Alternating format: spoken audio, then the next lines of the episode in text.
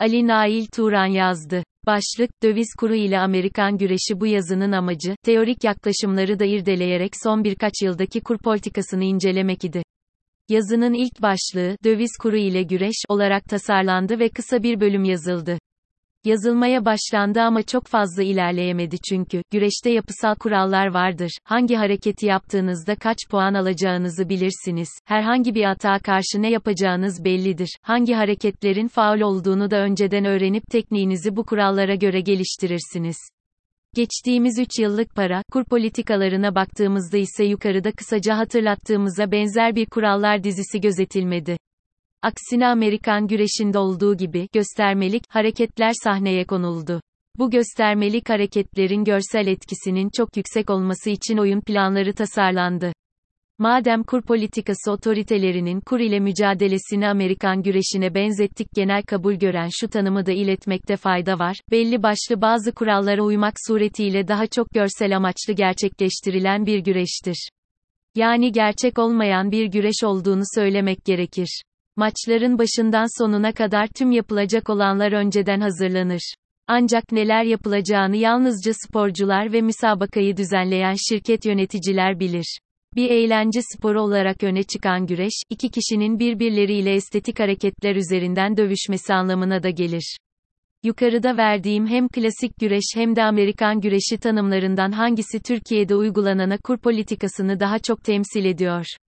Örneğin şu sahneyi gözümüzde canlandıralım. Ringdeki çirkin ama güçlü adam diğer güçlü adamı fena halde hırpalıyor. Kur hızlı bir şekilde yükseliyor. Ancak ringdeki iyi ve güçlü adam, kötü ve güçlü adamın tüm hünerlerini sergilemesine izin veriyor. Faiz sabit kalıyor. İleriye dönük akılcı hiçbir açıklama yapılmıyor. İyi, güçlü adam fena halde dayak yiyor gibi görünüyor ve seyirciler bahislerini kötü adamdan yana değiştiriyorlar. Halk, elindeki 3 kuruşun ertesi gün aynı miktarda ekmeği alabilmesini sağlamak almak için dövize yöneliyor. Kötü adam iyi adamın sırtına çıkmış tepiniyor. Tepindikçe seyircinin korkusu büyüyor ve bu, güreşin galibinin kötü adam olacağına ilişkin kaygılar zirveye çıkıyor. Halk kurların çok daha hızlı yükseleceğini düşünüyor kül olarak dövize yöneliyor.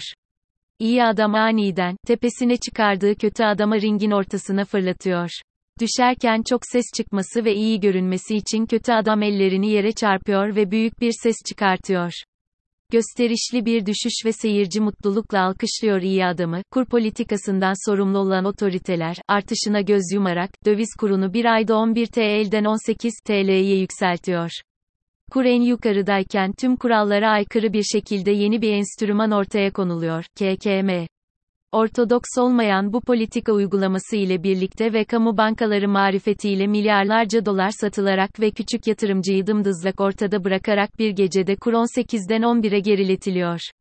KKM'nin kısa orta uzun vadedeki etkileri büyük bir sır değil ancak bu yazının temel konusu olmadığı için sonraki yazılara bırakıyoruz. Diğer taraftan, yukarıda tasvir edilen sahnenin eksik olduğu okuyucunun gözünden kaçmayacaktır.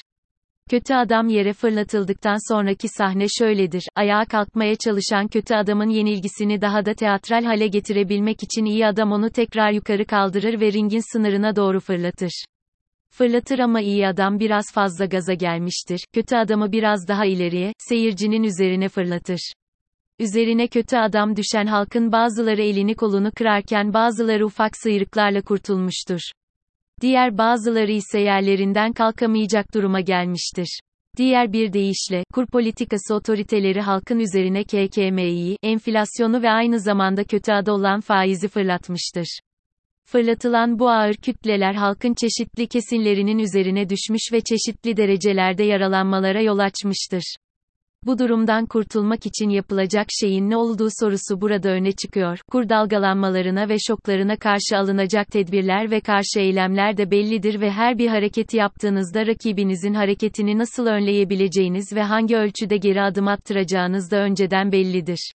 Halkın üzerine kötü adam fırlatan, iyi adamlar kadar tehlikeli bir ekonomik belirleyici yoktur. Nokta. Yapılacak ilk şey, iyi adamdan kurtulup, kuralları olan, etkinin hangi tepkilere yol açacağının belli olduğu klasik güreşe dönmektir. Yukarıda aktarılan Amerikan güreşi tanımında dikkat çeken bir diğer ve önemli unsur ise şu ifadede kendini gösteriyor ve kur politikası ve tüm ekonomi politikaları için en önemli kurallardan birine işaret ediyor. Neler yapılacağını yalnızca sporcular ve müsabakayı düzenleyen şirket yöneticiler bilir. Ekonomi politikasında tüm tarafların aynı bilgi setine sahip olmaları genel kuraldır. Yapılacak şeyleri yalnızca politika yapıcıların ve eniştelerin bildiği durumlar ise istisnadır.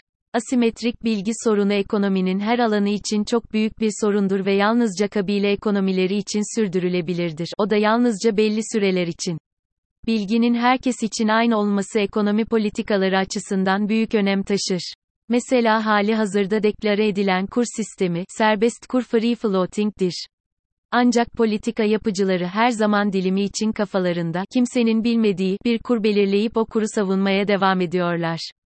Bu kur sisteminin adı ise serbest kur değildir. Bu sisteme, sürünen kur Krevling pek denir ve bunu açıkladığınızdaki ve gizli tuttuğunuzdaki ekonomik yansımaları aynı değildir.